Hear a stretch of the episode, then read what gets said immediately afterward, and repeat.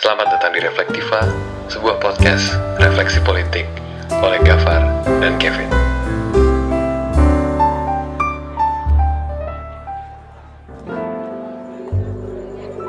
Oke, selamat malam, selamat siang, selamat pagi, kapan pun kalian berada. Uh, saya Gafar Makafi, selamat datang di podcast Reflektiva. Uh, saya ditemani oleh siapa? Mas Kevin Aris Sarianto. Halo, halo, halo, halo, assalamualaikum. Ini kita harus salam menggunakan uh, kaidah-kaidah keagamaan Islam yang benar karena tamu kita malam ini cukup spesial. Jadi nggak mau terlalu nggak mau terlalu nah, menyimpang dari ajaran agama. Jadi jadi assalamualaikum warahmatullahi wabarakatuh. Waalaikumsalam warahmatullahi wabarakatuh. Lebih formal ya karena ini aduh berat banget bahasa agama ya Allah. Oke, jadi malam ini kita kedatangan tamu uh, namanya Mas Radia Yudantiasa. Uh, silakan perkenalan diri sendiri deh. Gimana Mas Asa? Oke, halo Mas Gofar dan Mas Kevin. Terima kasih atas undangannya ngobrol malam ini. Semoga bermanfaat. Saya namanya Mas Asa, panggilannya Asa panggilan informal. Mas Asa, saya sekarang uh, posisinya sebagai mahasiswa di uh, Universitas Gajah Mada, khususnya tepatnya di jurusan studi agama dan budaya. Tapi kalau namanya nama resmi di UGM namanya CRCS, Center for Religious and Cross Cultural Studies. Itu ya? uh, saya temannya Mas uh, Bufar, teman akrab juga, teman ngopi juga. senang sekali bertemu dengan Bro Gova dan senang sekali juga kenal dengan Mas Kevin. Ini kok manggilnya Bro Bro Gofar sih? Ya, makanya aku aku kok PSI, jadi ya? PSI. takut dia PSI nih ini. Nah, PSI nih ya. Makanya bro bro bro bro. itu itu perkenalan singkat saya. Oke, jadi malam ini kita mau bahas apa nih Mas Kevin? Kita ngebahas tentang, aduh, kita tentang ngebahas kita bah jadi, jadi dan gitu doang. Wah ini kelihatan banget nih nggak persiapannya nih. Aduh. bukan bukan bukan masalah persiapan. Ini gugup karena topiknya nih suatu hal yang aku uh, sudah terlampau lama jauh dari topiknya gitu loh Far. Ini mungkin karena ini sepertiga malam terakhir Ramadan ya. Jadi uh, terguncanglah hatiku lidahku kelu tergagaplah lisanku gitu loh Far. Masa gitu nggak ngerti sih ah. Jadi malam ini kita mau ngebahas tentang berkompetisi di dunia maya. Nah Datul Ulama versus Islam konservatif. Itu uh, topik yang di uh, apa namanya bahasa formalnya gitu. Mm. ya Far ya? Betul betul betul. Jadi kenapa kita bahas itu? Karena pertama uh, Mas Asa ini tesisnya memang akan membahas tentang ini walaupun tidak secara persis. Uh, jadi memang Mas Hasan ini memiliki concern terhadap uh, Islam dan media sepertinya. Nah, kemudian ada dan faktor lainnya adalah uh, kita melihat bagaimana media sosial ini uh, penetrasinya terhadap ma uh, masyarakat Indonesia ini begitu cepat dan di sana begitu banyak konten-konten uh, yang bersebar dari agama dan apa pun itu. Dan di sana tuh sebagai ruang kompetisi uh, seolah seperti itu. Uh, dan bagaimana nanti uh, bisa jadi NU versus Islam konservatif bisa aja. Ataupun NU versus Muhammadiyah nggak tahu juga. Dan nanti bagaimana kita nanti uh, dengerin penjelasan Mas Hasan. Uh, kepada Mas Hasan coba dijelaskan sebenarnya Fak sebenarnya Far aku agak kurang suka sebenarnya berada di sini. Aku kan Islamnya non label berislam gitu. Sementara hmm. di sini aku ditemani dari NU sama dari Muhammadiyah dan dari barusan kamu bilang kemungkinan ada NU versus Muhammadiyah gitu. Aku posisinya hmm. jujur aja harus ngapain gitu di sini kalau benar terjadi konflik itu, konflik diskursif gitu ya istilahnya ya. Ini ini aku udah deg-degan aja nih dari awal jadinya. Lebay, lebay, lebay. Ya udah mewakili FPI aja kan dari Jakarta kan dari loh, Aku FBR, Far. Oh, FBR. Kita rembuk aku. Lebih garang ya. Oke, langsung kepada Mas Asa. Silakan. Oke. Ini tadi saya itu buat semacam kayak slide gitu, tapi perlu saya tampilkan nggak ya? Gak apa-apa, kita kan juga, Boleh, boleh, juga boleh. recording video. Oke. Jadi Sedikit kok nggak nggak nggak nggak terlalu banyak ini apa namanya yang saya buat. Oke. Ini tadi saya iseng-iseng aja buat eh iseng-iseng buat judul untuk malam ini karena apa namanya tema utamanya tadi tema umumnya yang dikasihkan berkompetisi di dunia maya Nahdlatul Ulama versus Islam konservatif gitu. Wah, tapi judulnya itu sebenarnya sangat menarik dan sangat wow sekali. Cuman ini saya buat lebih soft lah ya. Saya buat lebih soft dan lebih biar lebih enak nanti pembahasannya biar yang apa namanya? Biar Mas Kevin yang merasa bukan bagian dari itu apa nggak minder gitu. Justru Mas Kevin ini berpotensi untuk gained authority-nya gitu. Waduh, waduh, waduh. Aku justru harus ini dulu. Aku harus bilang dulu ya.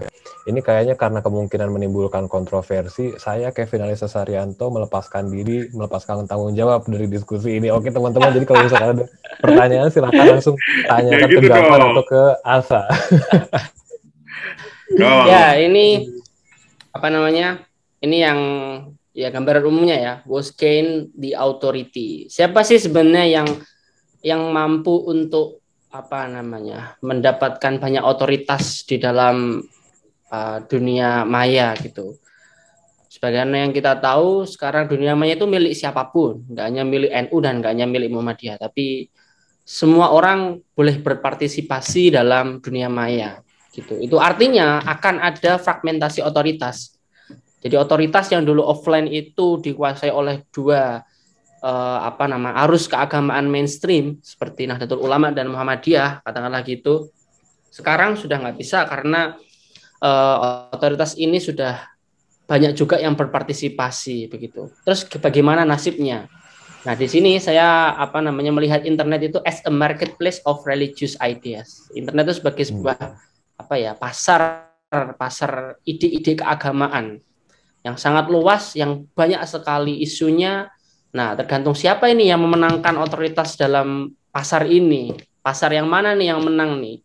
Nah namanya pasar itu kan butuh strategi kan untuk memenangkan kan. Butuh banyak hal untuk memenangkan pasar itu gitu. Kalau uh, kalau misalnya ormas seperti NU dan Muhammadiyah mainstream yang merasa otoritasnya masih aja besar sampai sekarang tapi nggak punya strategi untuk nggak punya kesadaran nggak punya strategi untuk masuk ke dalam otoritas ini ya akhirnya mereka pasti bakal kalah ngerasa gede aja tapi kalau nggak berkompetisi kalah gitu tapi mau kita lihat nanti gimana ini maunya apa namanya saya sebenarnya nggak terlalu suka membahasakan NU tapi saya lebih suka membahasakan dengan otoritas agama tradisional which is NU gitu sih Hmm, Oke. Gitu. Apa-apa, apa-apa. Oke, terus nah ini uh, little introduction sedikit aja. Um, ya di sini ada traditional Islamic Authority sama New Islamic Authority gitu. Nah, uh, banyak sekali uh, diskusi-diskusi, artikel-artikel, jurnal-jurnal, penelitian-penelitian, research yang mengatakan bahwa otoritas agama tradisional itu mulai mulai apa namanya terdegradasi or even lose. Mereka kehilangan otoritasnya karena apa? The emergence of new Islamic authority gitu. Hmm. Nah, uh, traditional Islamic authority itu uh, di sini terrepresenta- terrepresentasikan oleh ya ulama ya, oleh ulama khususnya tradisional ulama, kiai gitu dan the leaders of mainstream organizations. Ya let's say NU dan Muhammadiyah gitu ya. Sedangkan New Islamic Authority ini saya ambil dalam salah satu karyanya em, siapa Arifianto, Alexander R. Arifianto itu bagus sekali banyak nulis tentang Raja Ratnam. uh, penelitian tentang ini. ha. Itu New Islamic Authority di- eh, dia membagi dua, ada konservatif Islamis dan hardliner Islamis. Nah, otoritas ini yang apa namanya yang selalu berkembang dan mereka banyak mempromosikan pandangan-pandangan keagamaan dari di platform new media, khususnya media sosial, even di televisi. Kita bisa menyaksikan di banyak televisi gimana apa namanya kompetisi itu terjadi.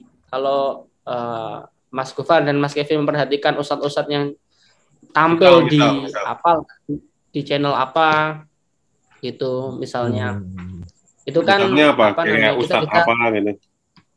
kita bisa menilai ya misal ada yang viral dulu yang sering dikritik Mama Dede dengan apa namanya dengan ceramahnya yang tegas yang apa ya yang tegas yang ya bukan keras sih tapi kadang itu apa namanya uh, dalam pandangan masyarakat yang itu biasanya mendengar ceramah-ceramah yang soft itu terlalu keras seperti itu.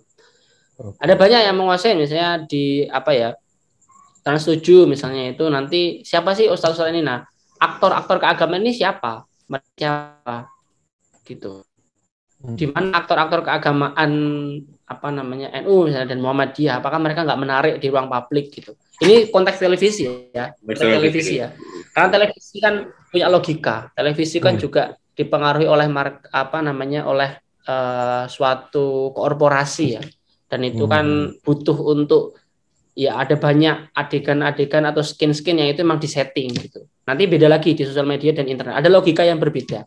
Gitu. Nanti sosial media lebih terbuka lagi, itu ya. Itu gambarannya, introduksinya seperti itu. Uh, kemudian, nah seperti yang tadi di awal saya bilang, setelah apa namanya, setelah masuknya media, sebenarnya ada banyak pengaruh-pengaruh yang bisa kita lihat ya apa namanya awalnya gimana tapi yang paling banyak saya baca di artikel itu memang semenjak munculnya demokrasi itu kan hmm. apa pun terbuka plus habis itu masuk media semakin semakin semakin akhirnya banyak memanfaatkan ini gitu. Dan ada fragmentasi otoritas. Banyak sekali. Kemarin yang terbaru penelitian dari eh, PPIM Jakarta itu membahas tentang beragama di sosial media. Itu dia membagi jadi lima, lima kelompok. Dari mulai yang paling ekstrim, dari yang Islamis, ada yang moderat, ada yang liberal, dan ada satu lagi tuh. Nah itu bagus itu karena itu mengkolaborasikan antara kuantitatif dan kualitatif. Kemudian bisa kelihatan jaringannya ini di mana, tema-temanya apa, siapa yang menguasai. Bisa di daerah Jakarta itu siapa yang menguasai, kelompok mana yang menguasai di Jawa Tengah, mana yang menguasai seluruh Indonesia. Itu kolaborasi dan apa namanya bagus itu Kementerian Agama aja sampai apa namanya sampai apresiasi sama penelitian itu. Oke, okay, uh, eh, kemudian poin pertama the rise of Islamism in Indonesia in recent years. Uh, kemunculan Islamisme di Indonesia dalam beberapa tahun dekade terakhir ini, uh, apakah itu benar-benar challenge atau gradually decline the authority of moderate group? Moderate group uh, refers to NU and Muhammadiyah ya di sini. Benarkah benar-benar men-challenge atau NU dan Muhammadiyah atau moderate group ini yang masih merasa mereka punya otoritas tertinggi, hmm. habis itu baru sadar akhir-akhir ini uh, gara-gara merasa bahwa otoritasnya tersandingi, banyak orang yang mulai apa namanya uh, jamaah atau followersnya yang meninggalkan atau yang apa namanya pindah aliran. meninggalkan gitu. Atau apa namanya secara sederhana itu banyak yang berubah dari aspek keagamaannya hmm. gitu, entah mulai dari simbolnya simbol-simbol keagamaannya dari mulai busana atau mulai cara berpikirnya identitasnya kompleks hmm. itu apakah benar men atau enggak sih itu patut kita pertanyakan lebih jauh lagi seperti itu kemudian what is the prominent Islamic discourse apa wacana-wacana keislaman, tema-tema Islam, isu-isu Islam yang sering kita uh, akses di medsos, di TV itu apa? Tema-tema sering muncul. Seperti apa gitu. Misalnya Mas Gofar dan Mas Kevin ketika uh, lihat medsos, lihat TV itu oke okay lah kita pasti apa namanya seringnya pasti nggak terlalu nonton kan apa namanya lebih seneng nonton TikTok yang tentang bola atau tentang apa pun tapi mau nggak mau Eh, karena kita hidup dalam konteks Indonesia, wacana-wacana Islam itu pasti akan masuk dalam ruang-ruang media sosial kalian. Mau nggak mau. Sesimpel sesimpel jokes, sesimpel kontroversi. Kalau azan gitu, tiba-tiba ada azan. Dulu ada orde baru ada azan nggak tuh di televisi itu? Nah, itu juga bisa dipertanyakan seperti itu. Misalnya tentang apa ya yang paling sederhana, misalnya yang paling terbaru itu kayak Gus Miftah apa namanya yang masuk ke gereja Kristen ribut gitu mulai mem mempertanyakan ini kan pasti ada yang yang guyonan-guyonan keagamaan akun-akun gitu kan mulai muncul nah Ini Kayak Gofar itu dan ya apa namanya? Nah, Mas Gofar dan Mas Kevin ini seringnya eh, ngakses yang mana, sering denger yang mana, Ah. sering baca yang mana, gitu. Berpengaruh nggak dengan cara berpikir, gitu. Ketika ke- misalnya habis ngobrol sama teman ngopi, emang kadang isu ini nggak terlalu seksi ya, tapi kadang in certain konteks, kalau ketemu orang yang cocok itu seksi isu ini, bahas misalnya. Oh saat ini kok kayak gini, saat ini kok kayak gini, misalnya seperti itu. Itu ya wacana-wacana yang apa, yang berpengaruh, yang terinternalisasi nggak dalam pikiran-pikiran? Misalnya dalam konteks ini kalian berdua lah itu terinternalisasi nggak? Sesimpel itu. Kemudian new Islamic preachers and groups undermine their dominance over apa tadi? Apa namanya? New Islamic preachers and group itu mereka mulai mendominasi eh, ini ini ini hasil bacaan saya. Mulai mendominasi over the prominent of Islamic discourse jadi men- mulai mendominasi wacana-wacana keagamaan dan nanti habis ini ada data yang yang saya lihat eh, yang data Hmm. yang terkini gitu. Iya, Eh, sejak 15 sampai 20 tahun itu kelompok-kelompok inilah yang memang secara fakta menguasai dunia media sosial. Begitu. Misal sebutin, misal. Misal kalau disebutin kalau paling gampang nanti situs-situs website ya Oh, website. website. website website pertama website dulu contoh website itu ada banyak dulu ada eh Ar-Rahmah. apa ya website website puritan Ar Ar- VOA VOA Islam. nah PKS gitu. Piungan. jadi jadi ada yang nanti nuansanya lebih ke politik ada yang lebih nuansanya emang fokusnya ke eh, Islamic principle gitu. Nanti macam-macam gitu. Nah nanti makanya itu ada hardline konservatif. Tadi ini yang belakang ada hardline konservatif sama eh sama konservatif Islamis sama hardliner Islamis. Konservatif Islamis ini eh, mereka cenderung eh, apa namanya fokusnya ke mengganti apa namanya mengganti Pancasila. Bukan sih bukan mengganti Pancasila tapi apa namanya ada hal yang lebih bagus mencoba untuk menginternalisasi syariah jadi bagian dari Indonesia gitu konservatif Hmm. Islamis ini yang ini di Indonesia Piagam Yanto Jakarta. ya Balik ke Piagam Yes. Jakarta atau ini, gimana? ini yang Arif Yanto ya kalau nggak saya saya lupa nanti coba saya lihat lagi kemudian yang hardliner Islam ini lebih dia eh, cara mainnya dia mengakui semuanya Pancasila dia oke ini juga oke tapi dia menginterpretasikan itu dengan caranya mereka dengan cara mereka sendiri. Gitu. Hmm. Oke. Oke, nanti oke. coba saya lihat lagi. Nah ini promoting more conservative and radical interpretation of Islam. Nah ini kan sebenarnya kalau buat saya ini sebenarnya kan apa ya? Ya di satu sisi memang warna tapi di sisi lain ini nanti efeknya eh, apa namanya efeknya itu banyak. Efeknya banyak. Radikal tuh eh, saya baru baca tadi ada ada dari di Janin itu masuknya eh, masih eh, pemikiran. Kemudian kalau sudah anak ini sebenarnya kalau udah dewasa itu masuk yaitu aksi-aksi terorisme. Hmm. tapi itu terlalu simplistik ya. Cuman ini apa namanya beyond beyond itulah ya. Itu. Nah Islamic discourse kalau eh, yang menang yang memenangkan otoritas itu kontennya seperti ini figur-figurnya terus kemudian religius figurnya seperti itu lalu di mana? Di mana otoritas NU apa yang mereka lakukan dengan apa namanya dengan munculnya dengan munculnya wacana yang seperti ini? Di mana wacana-wacana mereka? Apakah wacana-wacana mereka udah nggak menarik? Karena misalnya NU kelemahannya salah satu bahasa Jawa. Yang bukan orang Jawa kan nggak paham gitu. Banyak yang nggak paham. banyak kan? Makanya Hmm. nanti nanti ada ini nanti terakhir saya ada slide.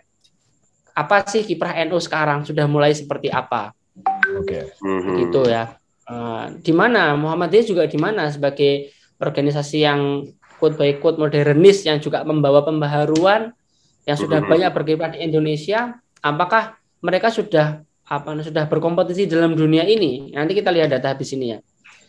Nah kemudian dari ini munculnya ah, ini bahasanya Arif Yanto new marketplace of religious idea. Ada pasar keagamaan internet itu sebagai pasar wacana pasar ini yang yang apa namanya yang itu bisa dibaca oleh beberapa kelompok siapa pun kelompoknya bisa dibaca bisa di bisa dikelola bisa disetir gitu ya tergantung seberapa kuat powernya tergantung seberapa kuat uh, apa namanya mereka melakukan cara-cara untuk menarik interest para uh, pengguna media sosial. Hmm. Begitu ya.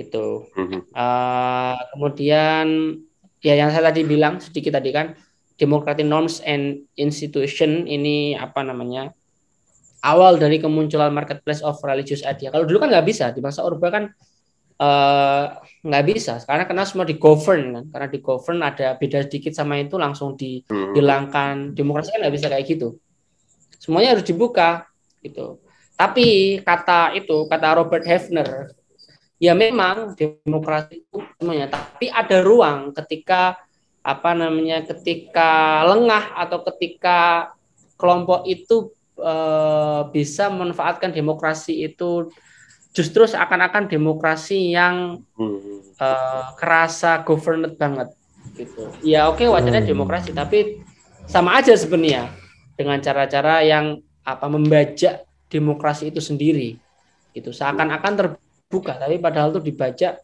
nah, misalnya keagamaan itu juga seperti itu juga seperti yeah, itu. Yeah, yeah. Ya, kemudian inovatif new media outlet yaitu tadi tergantung gimana uh, orang-orang itu bisa memanfaatkan new media tergantung bagaimana mereka berinovasi tergantung bagaimana juga religious leader gimana uh, komunitas itu mereka apa berinovasi dengan new media hmm. gitu nah dua-duanya ini both could promote different interpretation of Islamic theology nggak cuma Islamic teologi, Islamic jurisprudence, kemudian juga uh, apa namanya hal-hal yang berkaitan dengan tema-tema ya. keislaman ya, khususnya teologi, eh, hmm. uh, nanti termasuk bidang hukum, bidang tasawuf. bisa bidang, akhirnya ini kan kayak mempengaruhi katakanlah uh, akhirnya ada aspirasi pembuatan perda syariah itu bisa jadi itu maksudnya kan? Yes, betul. Oh ini ini tinggal konservatif uh, konservatismenya naik naik nih karena malah sekarang kan kayak banyak isu-isu kan di masyarakat kita tuh pengen uh, ada perda-perda syariah dan justru difasilitasi oleh politisi-politisi kita. Gitu. Ya betul betul betul sekali. Ya perda syariah nanti itu apa namanya? Hmm, saya pernah masuk itu mata kuliah religion and uh, religion and human right apa religion state and society aku lupa. Itu salah satunya bahas tentang perda syariah. Hmm. gimana kita menyikapi menyikapi perda syariah ini. Yang yang paling jelas kan yang ada yang ada kan yang di Aceh.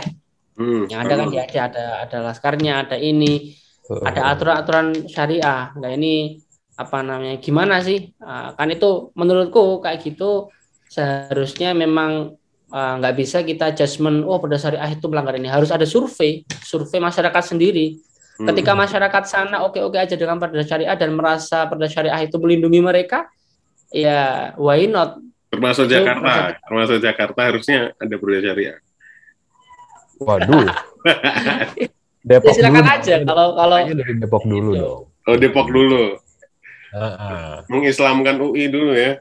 Kan islamisasi pengetahuan, ya. gimana sih? Mendisiplinkan dulu, mendisiplinkan dulu begal-begal Depok, Far. itu.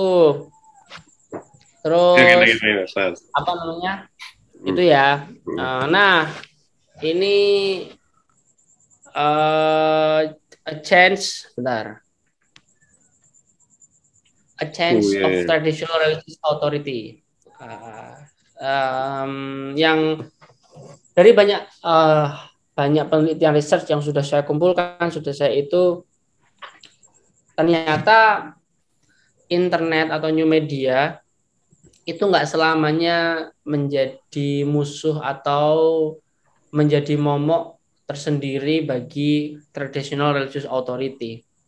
Ini survei kalau Mas Gofar dan Mas Kevin buka alexa.com. Alexa.com itu sebuah situs survei, banyak hal survei termasuk survei keislaman, gimana ratingnya, gimana hmm. itunya. Ini sepertinya di 2020 apa 2019 aku lupa. Daftar 100 situs Islam NU online tertinggi. Ini. Ini coba ya, coba kita identifikasi satu-satu. Ada yang aku tahu dan aku yang enggak. nu.org.id jelas ada NU-nya. Jelas NU. Biasanya jelas siapa ya. Kedua bincangsyariah.com. Bincangsyariah.com ini enggak tahu. Saya kasih tahu ini milik NU. afiliasinya orang tuanya NU. Islami.co afiliasinya ke NU Ceto ini Safik Ali yang bikin Safik Ali sekarang itu jadi direkturnya NU online Safik Hmm. Ali muslim.org.id aku nggak nggak terlalu tahu Romasho ngerti kan Romasho Oh, pernah lah pasti pernah buka tuh. Apalagi kalau tahu Ramadan. Apalagi kalau Ramadan apakah Onani membatalkan puasa? Biasanya boleh nyari-nyari. nah Waduh. Oh itu begitu begitu isinya ya. Iya. ampun. Nanti bisa ngecek misalnya bisa ngecek lah apa ngecek ngecek tentang Islam. Misalnya Mas Kevin nulis apa ya? Gimana cara baca ini atau hukum ini? Nanti yang muncul web mana? Nah, muncul web Hmm. teratas itu kan berarti yang paling engagement tertinggi. Katakanlah Iya gitu betul ya. betul. seperti itu. Nah sebentar. Rumah show terus mungkin juga muslim.org.id ini 10 15 tahun yang lalu. Menurutku ya coba kalau dicek di alexa.com tahun-tahun lalu itu di peringkat pertama Betul. Iya, benar. website keislaman Benar. Indonesia. Tetapi sekarang trennya di tahun ini eh, nu.org.id website-website ya katakanlah moderat lah, apalagi Hmm. NU yang pertama ya. Ini eh, jelas website organisasi, bukan website yang apa ya semi affiliation to organization gitu loh. Hmm. NU kan jelas affiliated to Nahdlatul Ulama. Tapi bidang Hmm. syariah islami.co alif.id ini penulisnya banyak lah. Pak Ulil Absar Abdallah itu nulis juga di alif ID. Banyak tokoh-tokoh NU yang nulis di sini juga. Teman saya tuh banyak yang, yang nulis di sini. Hmm. Abdi islami.co. Gitu ya. Portal Islam Islam.co saya nggak tahu. Al-Manhaj ini kalau mesti pernah dengar persi. Ah, ibtimes.id ini kayaknya punya pemuda Muhammadiyah. Ya, Mas pemuda Gofar Muhammadiyah. paham. Muhammadiyah. Muhammadiyah. Nah, muhammadiyah.org.id kayaknya masih di bawah, masih di peringkat berapa gitu. Nah, ini kan apa namanya? Ini ini data yang penting untuk kita refleksikan. Muhammadiyah kayaknya mainnya nggak di website itunya. Nah, bisa jadi- Di mana? Website Muhammadiyah.org.id tapi yang ini umm.ac.id yang belakang ACID dia mainnya gitu. KT, Iyalah. Kan akademi. KRS. Kalau itu itu usah dipertanyakan itu, itu sudah sangat luar biasa. Iya, UMM, UMS.ac.id itu saya juga sering akses untuk lihat peluang jadi tenaga pengajar. Itu ya ini nih gambaran ini maksudnya gambarannya sebagai refleksi kita. Oh ternyata website ini juga sudah mulai oke ya gitu. Artinya ini kan survei ini kan dibuat atas dasar kepuasan publik atau gimana publik melihat ini kan gitu. Hmm. nah ini mungkin saya terakhir aja nanti boleh ngobrol-ngobrol. Ini hasil apa ya hasil saya berkontemplasi selama dengan tes ini sementara aja sementara. Kenapa kenapa NU eh, NU mulai dari website websitenya itu mulai menguasai atau mulai mulai mengakuisisi lagi, mulai juga menggait otoritasnya lagi. Pertama, eh, tradition as the main source in promoting religious values within social media. Tradisi itu jadi sebuah kekuatan besar dalam NU. Hmm. Saya bahas tesis pertama di bab 2 itu uh, The Future of Tradition. Tulisannya Martin van Brunesen itu uh, Tradition for the Future, Reconstructing Tradition within Nahdlatul Ulama. Itu bahas banyak banget. Jadi Hmm. NU itu punya punya jargon kalau kumpul di Monas itu apa dulu? Aksi bela Islam berapa? Dua satu dua. Dua satu dua. Nah, saudara, Kalau NU punya dua, empat dua. Duanya itu apa namanya? Teologi. Hmm. Ini eh, tradisi NU, teologi Asy'ariyah dan Al-Maturi Al-Maturidiyah. Waduh. Kemudian empatnya itu empat madhab Islam. Empat madhab Islam. Iya, iya, iya. Ada apa Yang namanya? Gitu ya. Syafi'i, eh, Hambali, Syafi'iyah, Hambali, Maliki, siapa satunya? Hanafi ya. Hanafi. duanya itu madhab tasawuf Imam Junaid, Imam Al Ghazali, Imam Al Ghazali yang paling masyhur sama Imam Junaid sebenarnya. Tapi Imam Junaid kadang, tapi yang paling masyhur Imam Al Ghazali. Berat. Nah ini sebagai kekayaan, kekayaan intelektual. Tapi nanti tradisi itu bisa banyak. Tradisi kitab kuning, tradisi apa. Nanti muncul Hmm. ada istilah Islamic post traditionalism Hmm. itu dipopulerkan oleh itu. Maksudnya munculkan isu-isu NU yang mulai pergerakan pemudanya, mulai bahas tentang pluralisme, mulai fokus ke gender, mulai fokus ke ini. dan ini beda banget dengan tradisi KNU yang mainstream yang benar-benar kolot. Iya, iya, iya. Nanti banyak lah tradisi ini sebenarnya kekayaan. Kekayaan yang mampu uh, mengikuti orientasi zaman. Seperti itu. Nah, uh, apa namanya? Ini ini ini jadi sumber kekayaan ketika NU mulai berkompetisi di uh, di dunia maya. And then apalagi ya? Nah, the historical context of NU and media. Nah, di sini uh, apa namanya? kata Heidi Campbell untuk menentukan bagaimana Heidi Campbell itu salah satu scholars di bidang religion and media. Dia mengatakan kalau kalian mau meneliti tentang uh, apa namanya bagaimana suatu religious organization itu uh, berrelasi dengan media, maka harus dilihat dulu konteksnya. Relasi dengan media. Hmm. Relasinya itu artinya nggak hanya langsung di new medianya, tapi di old media gitu. Jadi aku uh, melihat dulu gimana sih NU dengan media itu, gimana relasinya, gimana dengan misalnya ada Muhammadiyah itu ada suara Muhammadiyah ya, hmm. atau apa ya, punya Al, Al, Al, Al, Al Anwar, Al Anwar ya. Nggak suara Muhammadiyah doang emang. Majalah tapi terkuat yang Indonesia. Yang majalah-majalah yang bagus itu loh. Apa sih Muhammadiyah? Ada. Nah, aku lihat itu gimana NU dulu itu mengekspan ide-idenya lewat majalah, lewat koran, hmm. uh, lewat apa namanya, lewat banyak-banyak banyak media yang di zamannya, lewat media hmm. di zamannya. Coba lihat engagementnya gimana mulai. Nah, terus pas masuk ke new media juga gimana? Pertama-pertama emang agak agak telat, tapi ketika berrelasi gimana? Ini penting untuk melihat historical context karena hmm. uh, sebenarnya organisasi ini berpotensi nggak sih untuk bisa apa namanya berdamai dengan misalnya internet misalnya dan lain-lain lah karena kan banyak anggapan kalau kiai-kiai di tradisi NU kan kolot dan masih banyak mungkin sampai sekarang yang nggak menggunakan gadget atau apa pun gitu. Hmm. Contoh paling sederhana Gus Baha kalau pernah tahu Gus Baha. Iya tahu tahu tahu. Gus Baha itu nggak punya WhatsApp. Tahu nggak Mas Kevin Gus Baha? Jangan gitu dong, Far. Udah kalau aku nggak tahu diam-diam aja gitu. Oh, iya, iya. Aku kelihatan blognya gitu loh di sini. Kalau Gus Baha itu beliau nggak punya WhatsApp, nggak punya apa, tapi ternyata beliau mampu untuk orang banyak tahu Gus Baha gimana caranya. Nanti yang kelima ini, nah poin kelima itu seperti itu ya. Kemudian hmm. NU Destination of Authority, ya kita terkenal lah. Banyak juga yang mengkritik, mengkritik bahwa NU itu terlalu hierarkis, terlalu uh, dalam klien. Nah, patron kliennya kelihatan jelas banget. Hmm. Menurutku secara logika kalau patron klien kayak gitu kan susah mau bergerak mau kayak gini harus ikut dawuhnya kiai hmm. harus ini harus mau bergerak itu susah karena harus strict dari atasan gitu loh nggak nggak bisa itu tapi terlihat akhir-akhir ini pola patron klien itu lebih luas dan lebih apa ya kalau aku membahasakan itu lebih punya jalan yang tetap patron klien, tetap menghormati, tapi cara menghormatinya unik gitu. Contoh misal, contoh misal, gini, uh, di, di penelitianku ya, akan bahas lima religious figure lah. Lima limanya ini pernah memposting satu figur sama yaitu siapa Mbah Maimun Zubair. Mbah Maimun Zubair, uh, tokoh sepuh NU begitu. Ini kan tokoh otoritatif kan.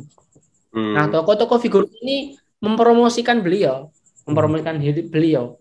Hmm. Jadi caranya itu misal pas apa namanya, misal dengan ide-idenya beliau, kaul apa kata Mbah Mamun Zubir itu tentang ini seperti ini, ini tokoh ini bilang ini. Jadi otoritasnya tetap refernya gitu, refernya hmm. tetap tetap. Jadi otoritasnya itu nyambung nyambung nyambung nyambung dengan satu figur ya, dengan satu satu figur itu. Jadi tetap hierarkis, tetap patron klien, tapi patron klien itu dimanfaatkan untuk apa namanya memberitahu ke publik bahwa ini loh patron klienku itu seperti ini.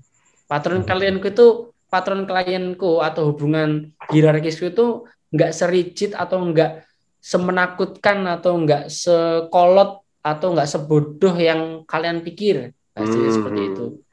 Jadi hmm. jadi lebih luas seperti itu. Nah, kemudian yang poin keempat, kiai as religious agencies. Ya, kiai emang sebagai uh, sebagai figur utama atau kalau dalam NU itu kan memang kiai itu jadi apa ya? Jadi benar-benar kunci lah benar-benar kunci, benar-benar apa namanya figur yang sangat sangat sangat dihormati gitu. Nah ini maksudnya personal, profesional, and organizational background ini eh, apa namanya ini yang mau cuma sedikit sih, cuman yang mau ini bukan teori tapi cara aku analisis gimana para religious figure yang tak pilih itu mereka mendefinisikan identitasnya di ruang publik gitu. Mhm. Sebagai personal, personal itu misalnya ya cuman connecting ke keluarga, posting foto teman-teman, misalnya Gus Mus posting sama Gus Dur, posting apa atau Gus Miftah posting lagi lagi mancing, lagi renang, itu personal. Hmm. Tapi profesional lebih ke eh, perannya lebih ke identitasnya sebagai kiai. Jadi Mhm. eh, ngasih tadi itu ngasih Islamic discourse, wacana-wacana keislaman yang again basisnya mesti tradisi. Mesti kelihatan basisnya tradisi gitu. Mhm. Bisa juga profesional itu sebagai lecturer misalnya, lecturer Hmm. atau politician itu juga bisa. Nah, kalau organisasinya ya lebih ke lebih ke organisasi sih, lebih mengabarkan ke NU. Entah itu secara simbolisme posisinya di NU sebagai Rois Soria atau kalau di Muhammadiyah sebagai apa ya? Eh, posisinya ya. Ya ada ketua, ada wakil Mhm. Ya, kayak gitu. Nah, Terus, nah itu itu peran kiai sangat penting. Yang terakhir, santri S religius digital kreatif. Nah ini menurutku yang penelitian yang paling terbaru dari Heidi Campbell itu tentang religius digital kreatif. Ini gambarannya gampangnya kayak gini. Jadi kalau dalam dunia marketing itu kan eh, butuh orang butuh tahu mana yang paling banyak disukai, Mhm. mana yang sedang populer, mana yang sedang viral, mana yang sedang disukai sama masyarakat. Itu kan butuh seperti itu gitu. Hmm. Butuh hal-hal yang bisa misalnya kita scroll Instagram eh, apa namanya? search gitu. Yang paling atas tuh yang paling apa sih yang paling sering muncul tuh yang kayak gimana sih? Mhm. Itu kan ada algoritmik authority-nya kan ada Mhm. ada algoritmanya. Nah, begitu juga di religious idea sekarang. Itu juga sudah sudah mulai memainkan algoritma. Orang sudah mulai berpikir eh, pasar-pasar agamaan yang bisa digait. Gitu. Orang sudah mulai berpikir komunitas mana yang bisa Mhm. kita sentuh, komunitas mana yang bisa kita masukin gitu. Gak cuma dimasukin, komunitas mana yang sudah bergabung terus kita bisa ambil dia, kita bisa tarik dia sehingga dia Hmm. tertarik ke cara berpikirku. Gitu. Kan kayak gitu, misalnya kamu suka satu ya. Ya. Nah, Mhm. santri-santri ini punya peran penting dalam menyeting atau entah itu sebagai penulis, entah itu sebagai pengelola sosial media kiainya, entah itu sebagai apa namanya sebuah ya itu tadi sebuah korporasi kecil yang itu uh, mencoba untuk memperlihatkan figur kiainya ini. Ini loh figur kiaiku. Ini dia, dia itu menarik, dia itu lucu, dia itu apa namanya hebat. Tapi kan beliau-beliau ini nggak punya kapasitas untuk mosok beliau-beliau juga ngedit video. Kan kadang ada video kalau dalam itu kan ada ngaji kitab. Tuh, masa satu jam gitu di, di ditayangkan semua. Masa kayak ngapel sedang enggak kan? Beliau butuh Hmm. tim, tim kreatif. Tuh, kan sama marketingnya gitu, butuh tim kreatif untuk menjual produk. Gitu. Misalnya ada produk satu yang laku, kamu Gofar sudah pakai produk satu misalnya. Mhm. Tapi ada produk lain mulai mempromosikan wacananya. Ada eh, isu keagamaan yang menawarkan ini loh, wa- wacana aku itu lebih moderat, lebih asik, nggak keras, nggak ini. Kamu bakal lebih enak, bakal lebih nyantai gitu. Tapi nanti yang keras juga bisa main lagi. Loh, jangan itu yang yang moderat itu banyak misalnya banyak yang salah, banyak yang apalah paling gampang ya misalnya bid'ahnya banyak oh itu nggak benar itu nggak sesuai dengan Rasulullah ini loh yang sesuai dengan Hmm. Rasulullah ya gitu jadi permainan pasar aja pasar ini bermain ya siapa tergantung pinter-pinternya untuk Ya. memasarkan keagamaannya itu dalam ruang-ruang uh, digital nah itu yang Hmm. menurutku yang paling pinter yang paling kreatif yang paling tahu pasar yang tahu cara itu eh, itu yang bakal memenangkan otoritas gitu semuanya kelompok punya potensi untuk itu tinggal ya berani aja berkontestasi Mhm. pinter-pinteran aja Iya. berani bertarung aja gitu berani bertarung aja di menurutku belum tentu nanti misalnya ya meskipun kemungkinan besar yang eh, apa namanya kelompok yang itu punya power lah ya, punya power gede, punya power besar itu mengumumkan, tapi belum tentu.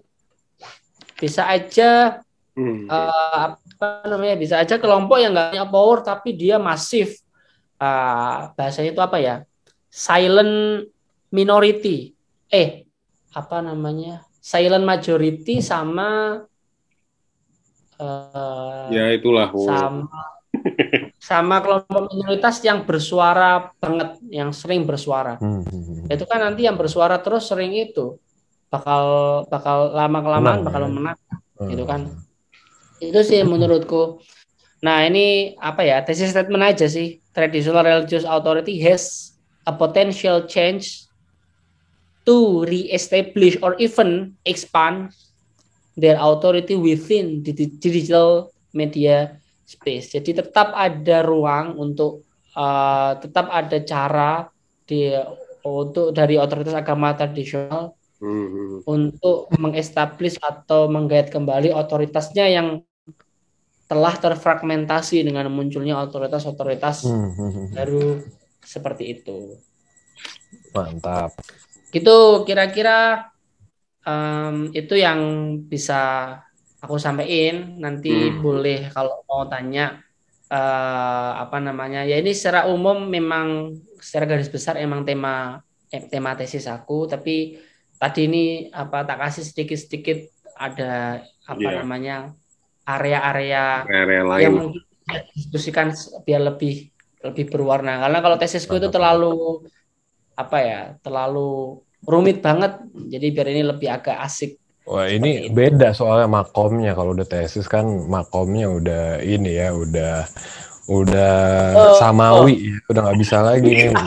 Makhluk-makhluk bumi ini apa namanya ngambil inti dari tesis gitu. Oke, dimulai Nah, dulu Mas Ini luar Kevin deh. biasa. sih. Gimana Mas Kevin? Bentar, Tanggapannya? bentar, bentar. Ini tuh aku ada ada catatan yang nggak penting dulu ya.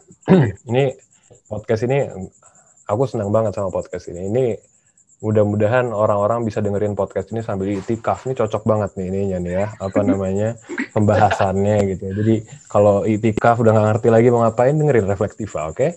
Ini khusus untuk episode ini mantap bener gitu.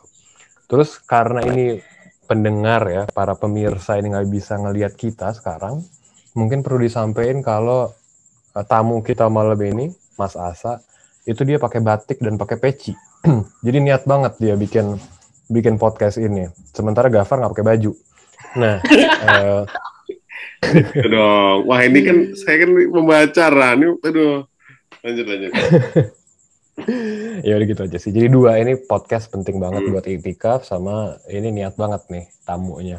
Itu yang mau aku sampaikan. Itu yang nggak penting nggak penting dulu Far. Ya pertanyaan lah, kritis yang dulu lah. Jadi sebenarnya aku mau nanya juga sih. Ini yang yang yang udah Ada makomnya udah samawi ini ya kurang sekarang ya. kritik kok ya makomnya udah salamin ya. Jadi eh, aku tadi bertanya-tanya sih kayak eh, ini kan sebenarnya kan kita ngebahas untuk mengambil kembali kewenangan NU gitu ya dalam wacana Islam. Sebenarnya buat apa sih kewenangan itu, Sa, eh, Mas Asa? Eh, buat apa gitu? Suatu Ya. institusi Bagus agama bagus. itu berwenang atas sesuatu gitu. Apa yang mau dimonopoli? Karena kan kita ngomong dari tadi pasar kan, marketplace Ya. of ideas gitu. Apa yang mau dikuasai di situ? Kenapa harus dikuasai suatu hal itu gitu? Eh, lalu kalau kita ngomongin kebebasan pasar, tadi kan ngomongin diskurs Hmm. mana nanti yang laku nih di sosmed gitu kan. Eh, kalau kita ngomongin kebebasan pasar, aku jadi ingat kata-kata eh, filsuf ilmu namanya Karl Popper. Dia bilang kalau kita mentoleransi semua hal, maka yang menang itu ad- adalah kelompok-kelompok yang tidak toleran, gitu kan. Jadi intinya kalau kita kalau kita biarkan diskursus itu pada kebebasan pasar, maka yang muncul nanti kayak adalah white white nationalism kalau di Amerika gitu ya. Eh, Hmm. Trump muncul gitu Oke. karena kebebasan berpendapat gitu. Terus di sini eh, FPI mungkinnya kalau bisa kita bilang FPI HTI muncul Ya. gitu. ya Tapi lucu kenapa kita membalasnya dengan logika yang sama, yaitu ingin menguasai wacana, gitu. Terus eh, yang selanjutnya, kalau kita ngomongin wacana Islam, yang paling laku sekarang itu adalah wacana pemimpin politik. Yang aku yang aku tangkap ya. Hmm. Eh, jadi kayak siapa yang seharusnya menjadi gubernur DKI Jakarta, siapa yang harusnya menjadi presiden Republik Indonesia gitu. Sementara ada banyak nih, ada banyak urusan-urusan uh, masyarakat modern kayak misalnya uh, kerusakan lingkungan gitu. Kenapa nggak pernah sih orang NU, orang Nah, Muhammadiyah gitu Bagus, bagus, bagus. ngomong ngomong tentang misalnya bagaimana kita melakukan perlawanan terhadap eksploitasi lingkungan yang menyerang uh, orang-orang kecil misalkan di Kendeng gitu Oke. kan uh, jadi kesannya itu wacana-wacana Islam itu adalah wacana-wacana yang dikhususkan untuk orang-orang yang memang udah zuhud gitu loh yang sudah tidak peduli dengan dunia sementara nggak semua orang punya privilege untuk zuhud di hidupnya yang sekarang Wih, Jadi, termasuk anda ya, termasuk eh, anda, termasuk anda Iya dong. Kan, Oh, iya. kan zuhud itu privilege loh. Orang yang bisa yang Oke. bisa tidak lagi memikirkan dunia itu orang-orang yang setidak-tidaknya udah kaya gitu. Atau setidak-tidaknya Hmm. udah tidak peduli lagi dengan kemiskinannya gitu. Sementara kalau orang apa ya, average salaryman gitu, orang yang mengandalkan gaji dari bulan ke bulan kan harus mikirin istri, harus mikirin anak-anak gitu-gitu ya. Nah, itu itu eh, kenapa kayak gitu? Atau kita nggak ngomongin tentang eh, eh, resistensi kelas misalnya. Jadi Islam Marxis misalnya kayak gitu ya karena dulu waktu zaman penjajahan eh, identitas Betawi Betawi itu kan identitas yang bukan bukan bukan lahir dari teritori ya tapi dia kriol jadi dia sifatnya dibuat gitu Islam itu dijadikan tempat apa atau identitas perlawanan terhadap kekuasaan kulit putih gitu misalnya Hmm. nah kok sekarang Islam itu jadi cuma power sharing gitu ya apa namanya rebutan apa eh, namanya, su- eh, ini mana ya, hadis benar. mana yang benar ya, interpretasi mana yang cuma benar. gitu doang urusannya. Iya, Nah, eh, terus riba nggak boleh karena emang riba nggak boleh bukan karena riba itu eh, ada ada ada ketimpangan kelas antara si kaya dan si miskin misalnya. Jadi riba semata-mata kita ngebahas riba karena riba bukan riba karena merugikan atau mengeksploitasi Mhm. orang miskin gitu. Jadi gitu-gitu. Sa itu gimana sa? Mas Asa, Gus Asa. Gus, Oke, ini uh, very good questions, sangat bagus dan sangat reflektif banget. Um, reflektif, Pak. reflektif harus yang reflektif. pertama- Reflektiva, iya harus reflek harus uh, reflektif. per- pertama uh, itu ya, memang apa namanya betul kalau misalnya uh, ketika ini pasar kemudian berebut eh, ada wacana yang diperebutkan. Terus untuk apa? Wacana itu, itu direbut untuk apa? Apa Betul. manfaatnya gitu. Em, sebenarnya ada banyak kategorisasi nanti ketika wacana ini terda wacana ini didapat. Kalau emang wacana keislamannya aja khususon khusus atau spesial wacana keislaman Mhm. bukan yang lainnya. Nanti kalau lainnya habis ini coba kita lihat wacana keislaman aja. Kenapa harus kelompok-kelompok seperti ini yang memenangkan wacana itu? Karena nanti kaitannya dengan tadi itu pemikiran-pemikiran yang sifatnya itu eh, non toleran, sifat-sifatnya itu radikal mainstream yang itu nanti efeknya bakal lama efeknya bakal bisa eh, apa namanya eh, bakal Sistemik. bisa menyentuh ke, ke arah yang itu. Ya ke arah yang sistemik. Dan bahkan nanti bakal bisa apa namanya mengarahnya itu ke tindakan-tindakan. Misalnya yang paling sederhana aja tindakan terorisme. Itu kan memang awalnya basisnya dari situ dari eh, dari wacana-wacana keagamaan seperti itu satu Hmm. Kemudian yang kedua, eh, belajar dari konflik-konflik yang ada di Timur Tengah. Itu memang data-data ini bukan bukan sekedar asumsi, tapi memang data-data menunjukkan kalau awal dari sejarah awal yang terjadi eh, konflik-konflik di Timur Tengah itu memang munculnya kelompok-kelompok yang apa namanya punya pemikiran yang eks, punya pemikiran yang eh, gimana ya? ya bukan tekstual susah untuk menyebut seperti apa pemikirannya. Cuman pemikiran itu menganggap bahwa uh, misalnya pemerintah itu togut, pemerintah itu tidak sesuai dengan ke kaidah-kaidah uh, keislaman dan lain-lain. Nah itu apa namanya pemikiran-pemikiran kayak gitu nanti bakal berpengaruh banget, bakal berpengaruh ke ke masyarakat, ke masyarakat. Jadi menurutku memang wacana itu harus di harus diambil untuk mengantisipasi hal-hal seperti itu. Itu secara umum loh ya, secara umum nama masyarakat. Tapi kalau secara yang lain-lainnya itu nanti kaitannya sama resources, sama sumber-sumber apa pun itu kaitannya sama banyak hal lah ya. Kita tahu ada ada banyak konteks yang yang itu kalau dibahas di sini nanti panjang.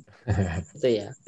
Begitu. Tapi kalau untuk paham kan ya? Tapi kalau untuk memang wacananya sendiri, kalau untuk wacana-wacana keagamaan nanti itu menurutku memang maksudnya bagus. Maksudnya bagus. Maksudnya sangat bagus. Hmm. Gitu. Ya kalau coba kita lihat apa apa coba kita lihat kita, coba kita lihat coba lihat data-data dari kasus-kasus yang ada. Sudah berapa banyak kasus uh, misalnya bom berapa banyak kasus terorisme itu ada berapa banyak-banyak manusia yang meninggal. Emang sangat jauh tapi uh, memang harus uh, dilakukan upaya preventing. Salah satu upaya preventingnya itu dengan melakukan apa namanya dengan memenangkan pasar pemikiran itu pasar pasar tadi itu kayak gitu. Hmm. Tapi emang gini sih, yang menariknya bahwa uh, mungkin secara organisasional ya Mas punya itu tuh kayak uh, Muhammadiyah NU tuh kayak lebih berfokus seolah-olah hanya kayak perebutan uh, wilayah ini ya otoritas hmm. keagamaan mana sih yang paling otoritatif. Tapi hmm. sebenarnya di sayap-sayap ke kepemudaan ya itu tuh biasanya ada juga tuh kayak Muhammadiyah yang membahas-bahas isu gender terus. Kemudian uh, uh, yang membahas tentang kemiskinan penindasan dan sebagainya. Di NU pun pasti juga ada. Tapi ya, masalahnya ya, mereka di organisasinya sendiri itu kalah secara uh, ini. Nah iya. Berarti kan tersegmentasi kan? Iya. Ya. wacana-wacana itu kan tersegmentasi kan? Tersegmentasi. Sementara mereka dalam intra organisasi memang kalah secara wacana. Iya, tapi maksud aku gini, kan kita kan udah udah sensitivitas orang Islam terhadap agamanya sendiri sekarang itu udah sangat tinggi dilihat hmm. dari uh, urusan-urusan politik gitu ya. ya. Nah sekarang kan sekarang caranya tinggal gimana caranya supaya kita bisa mau, kan banyak masalah dunia sekarang, masalah hmm. kemiskinan, masalah eh, eksploitasi, ya, okay. eksploitasi lingkungan gitu kan. Tadi kan si Mas Mas Asa kan ngomong uh, berapa banyak korban terorisme gitu. Aku yakin lebih banyak lagi korban baik korban jiwa maupun korban ekonomi ya yang ditimbulkan dari ketimpangan yang diakibatkan oleh eksploitasi lingkungan okay. penambangan batu bara okay. gitu. Yeah. Itu jauh lebih banyak gitu. Benar, lebih banyak lagi uh, orang yang mati karena ketabrak mobil gitu. Jadi urgensinya itu sebenarnya lebih urgent ngomongin masalah eksploitasi lingkungan daripada ngomongin terorisme gitu. Walaupun dua-duanya bisa dilakukan sekaligus, tapi kita ngelihat bahwa diskursus yang mainstream di Islam sekarang di di marketplace of ideas Islam sekarang itu bukan yang kayak gitu itu ya. kalah gitu tersisihkan tersegmentasi jadi itu hanya di hanya di hanya dikasih di uh, sub kelompok uh, subgrup gitu ya subgrup yeah. yang yang sayap inilah mm -hmm. sayap itulah sementara nggak semua orang kan pengen punya sayap gitu kan oke okay. Tapi memang gini juga sih makanya banyak uh, kayak uh, meme-meme gitu ya kayak di uh, Amerika bahas luar angkasa di Inggris bahas Eh, penguasaan laut dalam di Indonesia masih bahas boleh puasa eh, oh. atau pakai kuno atau enggak atau atau apa gitu kita masih di fokus di bidang-bidang itu aja mungkin meme-nya di situ coba kalau kalau Asa gimana tuh ah. oke okay. ya uh, memang banyak meme-meme tentang kayak gitu ya tentang ketika di sana sudah membahasnya tentang jauh sekali, tapi kita kok masih aja balik tentang puasanya beda atau enggak. Menurutku hmm. itu konsekuensi dari uh, konsep negara kita. Jeremy Mencik itu bilang Indonesia itu good good God apa ya mau godly nationalism nasionalisme nasionalisme bertuhan nasionalisme bertuhan jadi sejauh apa pun uh, termasuk kebijakan-kebijakan, termasuk apa pun apalagi yang yang berkaitan direct atau indirectly berkaitan sama agama, mau nggak mau pasti punya. Bayangin aja paling gampang vaksin aja. Vaksin siapa yang paling berotoritas? Harusnya saintis kan. Tapi iya. di Indonesia harus ada legitimasi dari siapa? MUI. Ulama. MUI. MUI kadang dari NU juga. Kalau MUI setuju nanti NU nggak setuju atau Muhammadiyah nggak setuju Hmm. nanti diperdebatkan. Betul. Sama kayak masker itu loh. Pakai masker. Gus, Agus apa? Ya yang di masjid itu lah, yang masjid di Nah, Bekasi itu yang Bekasi. disuruh keluar orangnya gara-gara Pakai masker. masker. Nah, hal-hal seperti itu banyak terjadi di kita karena itu memang konsekuensi dari kesepakatan dalam kita bernegara. Kesepakatan dalam kita bernegara Yang membawa agama di sana. Yang membawa agama di sana gitu. Nah, ini Hmm. Uh, menurutku bisa jadi bisa jadi sebuah kekurangan kalau gitu nggak bisa dikelola dengan baik atau kita terlalu apa ya terlalu sibuk dengan urusan-urusan kayak gitu gitu Ma- makanya seharusnya kesepakatan ini atau konsekuensi ini tuh bisa memajukan kita bukan malah backward bukan malah mundur ke belakang tapi maju ke Hmm. depan gitu. masalahnya bisa apa enggak gitu karena apa pun pasti berkaitan dengan itu berkaitan dengan agama. Tentang eksploitasi alam it's uh, aku banyak temanku bahas tentang temanku banyak aktivis. Jadi memang apa namanya perlu kita uh, perlu kita bedakan atau kategorikan area-area mana yang uh, yang bisa kita tembak gitu. Hmm. misalnya eksploitasi alam. Lo banyak aktivis-aktivis NU temanku itu yang apa namanya yang benar-benar apa namanya berjuang untuk eh, tempatku CRCS itu salah satu main concernnya itu sangat peduli sama hal-hal yang berkaitan dengan alam itu sangat peduli Hmm. sangat peduli sama minoritas-minoritas apa namanya minoritas-minoritas keagamaan yang itu mereka nggak punya apa dilanggar hak sipilnya sebagai warga negara. Banyak sekali hal seperti itu. Nah, memang kalau NU secara organisasi umum itu memang mainnya pasti em, apa namanya normatif, mainnya Hmm. normatif. Mereka mau membela ini Nah, apa namanya? Kan memang cara bermainnya kayak gitu. Cara bermainnya di atasan itu kan memang bersifat normatif, tapi nanti di bawahan itu tergantung. Tergantung bagaimana bawahan itu rasanya, tergantung bagaimana bawahan itu mereka merasakan ini tuh seperti apa, mereka melihat ini seperti apa. Banyak juga aktivis-aktivis NU yang apa namanya memperjuangkan misalnya eksploitasi.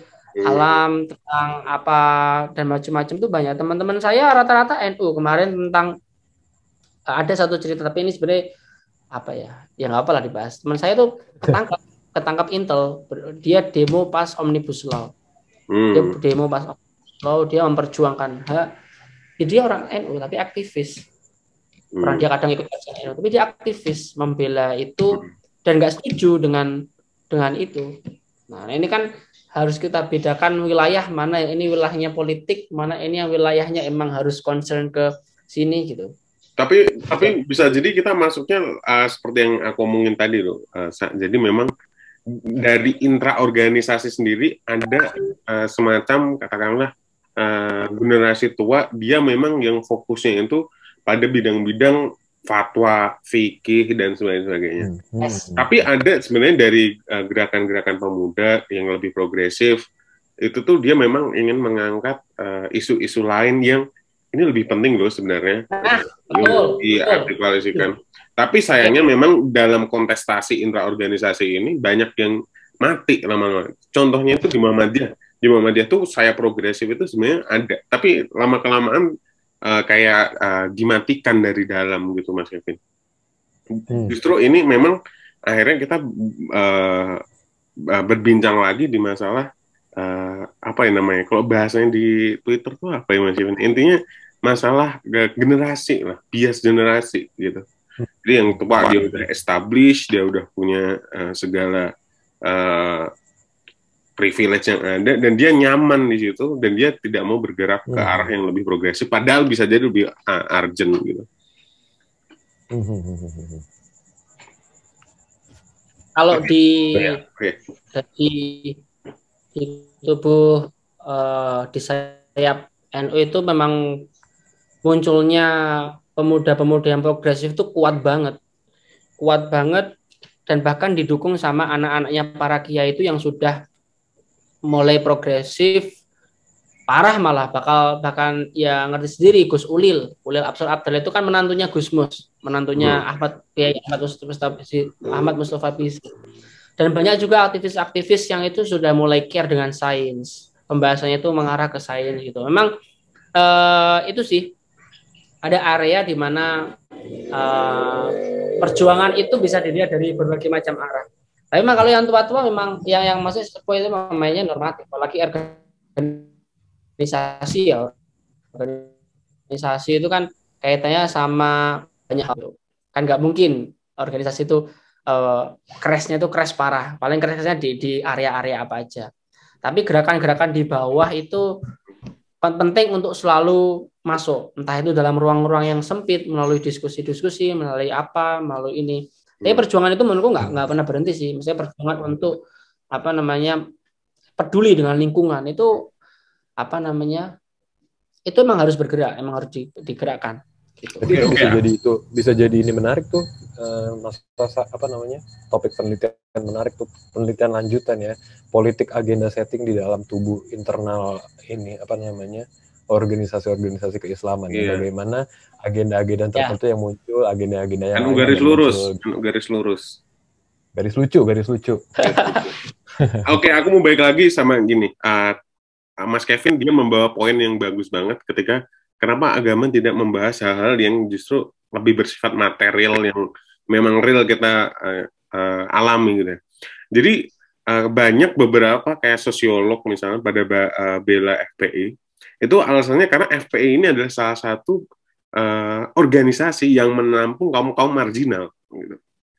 Walaupun dia kita cap sebagai ekstremis, tapi dia isinya tuh kaum miskin perkotaan, mantan mantan preman, dan dia mau menampung di situ gitu sedangkan Cak Nun pun juga pernah ngomong kayak gitu ah, Habib Rizik itu nggak perlu ini karena dia tuh baiknya dia mau menampung orang orang-orang nakal sementara organisasi-organisasi lain terlalu elitis gitu, untuk buat mau nampung orang-orang miskin kota kayak gitu nah tapi sekali lagi justru kita lebih fokus lagi ke masalah pandangan uh, normatif uh, kemudian ini uh, moderat atau konservatif atau hmm. uh, gimana? Kalau dari Asa sendiri gimana tanggapannya? Oke, terkait dengan iya sih betul betul betul. Itu salah satu kritik emang, salah satu kritik yang ditujukan ke kelompok-kelompok uh, mainstream mainstream besar ya kayak NU dan Muhammadiyah. Tapi menurutku ya kalau untuk Muhammadiyah memang kiprahnya dalam hal bidang bidang sosial, bidang ilmu pengetahuan itu memang sudah sangat luar biasa. Tapi kalau uh, apa namanya konteks misalnya ya KNU yang memang terlalu elitis, yang terlalu fokus ke hal-hal uh, apa namanya yang enggak yang enggak apa ya, yang enggak masyarakat yang enggak horizontalis gitu lah, terlalu hmm. vertikal banget. Tapi beda sama misalnya FPI yang kayak apa yang figur-figurnya itu muda, figur-figurnya bermasyarakat, figur-figurnya apa namanya enak kalau diajak itu gitu uh, gimana ya aku susah kalau jelasin kayak gini kalau nggak terjun atau nggak langsung masuk ke dalam itu. Sangat susah sekali. Misal kayak gini misal uh, aku ini tapi nggak terlalu nyambung ya tapi misal kayak gini. Misalnya aku harus mau bertamu bertamu ke salah satu figur kiai gitu. Tahu nggak baru masuk atau baru ketemu tuh berapa jam? Nunggu. Satu jam satu setengah jam bahkan dua jam di depan rumah. Ya nunggu ngapain nungguin. Itu? iya kalau ketemu kiai itu kayak gitu? ngapain kiainya? Nah itu itulah itu konsep konsep apa ya? Konsep keterikatan yang apa namanya yang dalam yang tadi itu yang yang, hmm. yang susah untuk dijelaskan secara logika gitu. Oke okay, oke okay, oke. Okay karena konsep apa ya barokah konsep apa dapat berkahnya kiai dapat apanya kiai itu memang ada. Makanya kadang dalam konsep NU yang nggak terlalu setuju kan dalam hal yang seperti itu kan? Hmm. dalam hal. Tapi kalau Mas Gofar misalnya melihat lebih dalam lagi nanti eh, apa namanya juga banyak kok kiai-kiai yang nggak seperti itu gitu. Itu kan yang kadang yang beberapa tampil yang memang terlalu elitis atau terlalu tapi nanti kalau lihat di fenomena atau realitas di kiai-kiai lain juga banyak yang apa namanya yang paham lah yang humble yang yang ini yang nggak terlalu sifatnya nggak terlalu hierarkis banget itu sih apalagi ya tadi ya Iya, apa ya? Iya tadi intinya kayak su- di FW itu dia kayak lebih uh, mungkin ya ini memang ini ya. Jadi kita di Indonesia ini memang organisasi besar sekalipun kayak Muhammadiyah bisa jadi lebih elitis gitu. Dia nggak menggandeng organ uh, kelas-kelas bawah dan uh, justru bisa jadi mereka ini memang yang tertindas oleh sistem yang uh, sebenarnya gitu loh. Jadi makanya kemarin tuh di Muhammadiyah kalau nggak salah dia bikin fatwa baru Mas Kevin. Jadi ada golongan yang uh, da- boleh di da- uh, mendapatkan zakat gitu. Salah satunya orang yang termiskinkan oleh sistem. Ada di fatwanya di Muhammadiyah. Oh gitu. Wow. Ada. Jadi oh ini miskinnya gara-gara sistem nih, gara-gara kemiskinan struktural dan sebagainya. Ada sistem jahat nah gitu lah. Oke, kayaknya udah Padahal semua kemiskinan dari Apa? sistem, Pak. iya lah. Semua kemiskinan dari sistem. Misalnya dari sistem. Oh iya, bagus juga. Oke, oke. Oke, ah, gimana Fark? Tadi kayaknya sudahan ya? Iya, eh, udah sejam. Ya, Mas Asa deh kasih oke. eh, statement terakhir deh. Statement terakhir apa ya? Kalian kritik-kritiknya Ya, tadi otomatis mau ya, di kalau- Itu loh. lagi. Yang yang benar dari Tuhan, yang salah Ah. dari saya sendiri. Gitu loh. Kan itu kan yang kalau abis siar kan gitu biasanya. Ini sih apa namanya? Kayaknya kita sebagai akademisi aja ya.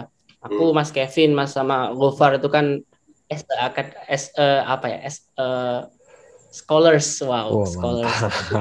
Eh, ada banyak area yang ada banyak area ada banyak area yang bisa kita apa namanya yang bisa kita eh, jadikan sebagai bagian dari kita untuk berjihad atau untuk berkontribusi sekecil apa pun itu Betul. yaitu apa namanya meng- apa memaksimalkan potensi yang kita punya lah dengan bidang kita masing-masing gitu. Kalau aku memang bidangnya rata-rata di religious even cuman Islamic studies aja.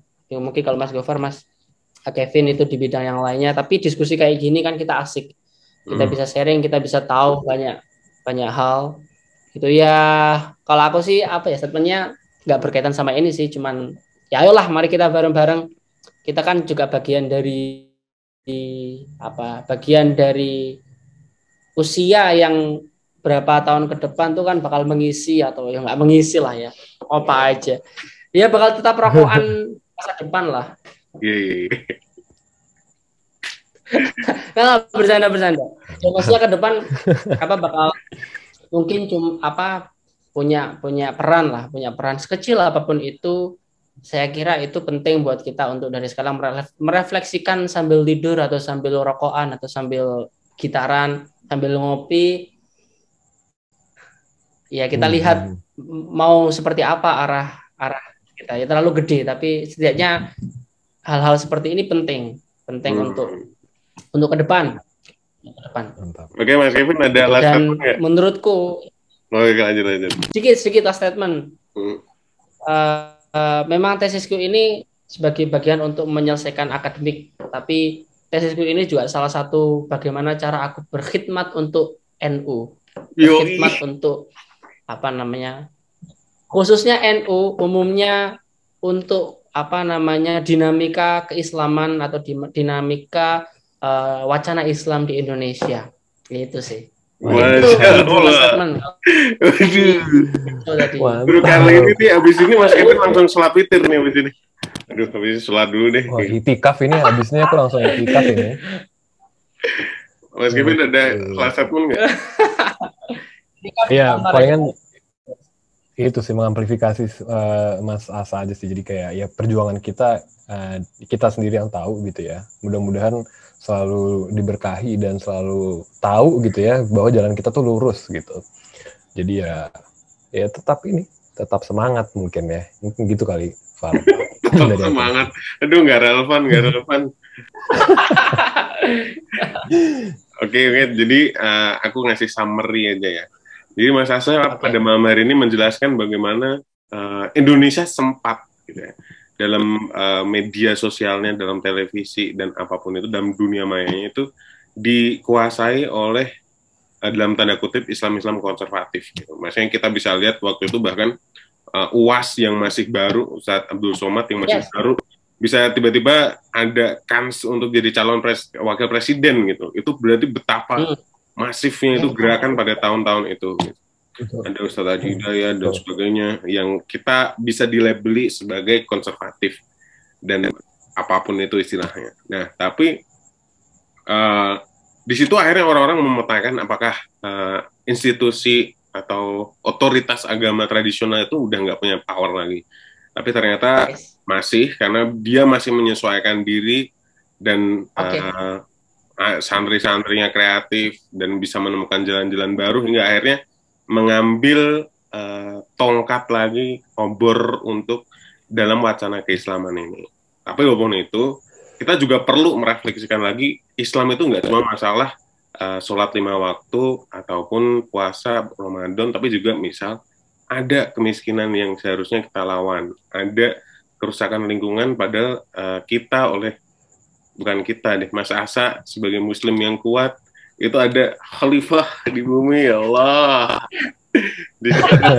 untuk, untuk untuk menjaga lingkungan untuk berbuat adil dan sebagainya. jadi memang kita nggak harus juga cuma berbicara masalah-masalah samawi gitu. kita harus masalah-masalah uh, dunia material yang lebih real yang lebih apa jadi NU sebagai otoritas tradisional mungkin habis ini bisa jadi lebih bergerak untuk pengentasan kemiskinan kemudian dan hal-hal lain yang bisa jadi terasa banget manfaatnya tentu bahwa dengan menggunakan pendekatan-pendekatan yang lebih humanis yang selalu ditekankan oleh organisasi ini. Gitu oke, terima kasih Mas Sasa atas ketersediaannya. Eh, Sama. bagus banget, udah sejam juga, asik. Eh, kemudian Mas Asa apa ini Mas Asa? Medsosnya biar kita bisa Iya, kasih iya. tahu ke pemirsa. silahkan promosi medsosnya atau ada proyek terbaru yang perlu diketahui orang. Enggak. Eh, Instagram saya apa? Nama nama medsos po? Iya, Ya, kan boleh. mau Atau lagi di ngerjain- NU itu. Project yang perlu engagement apa gimana? Enggak.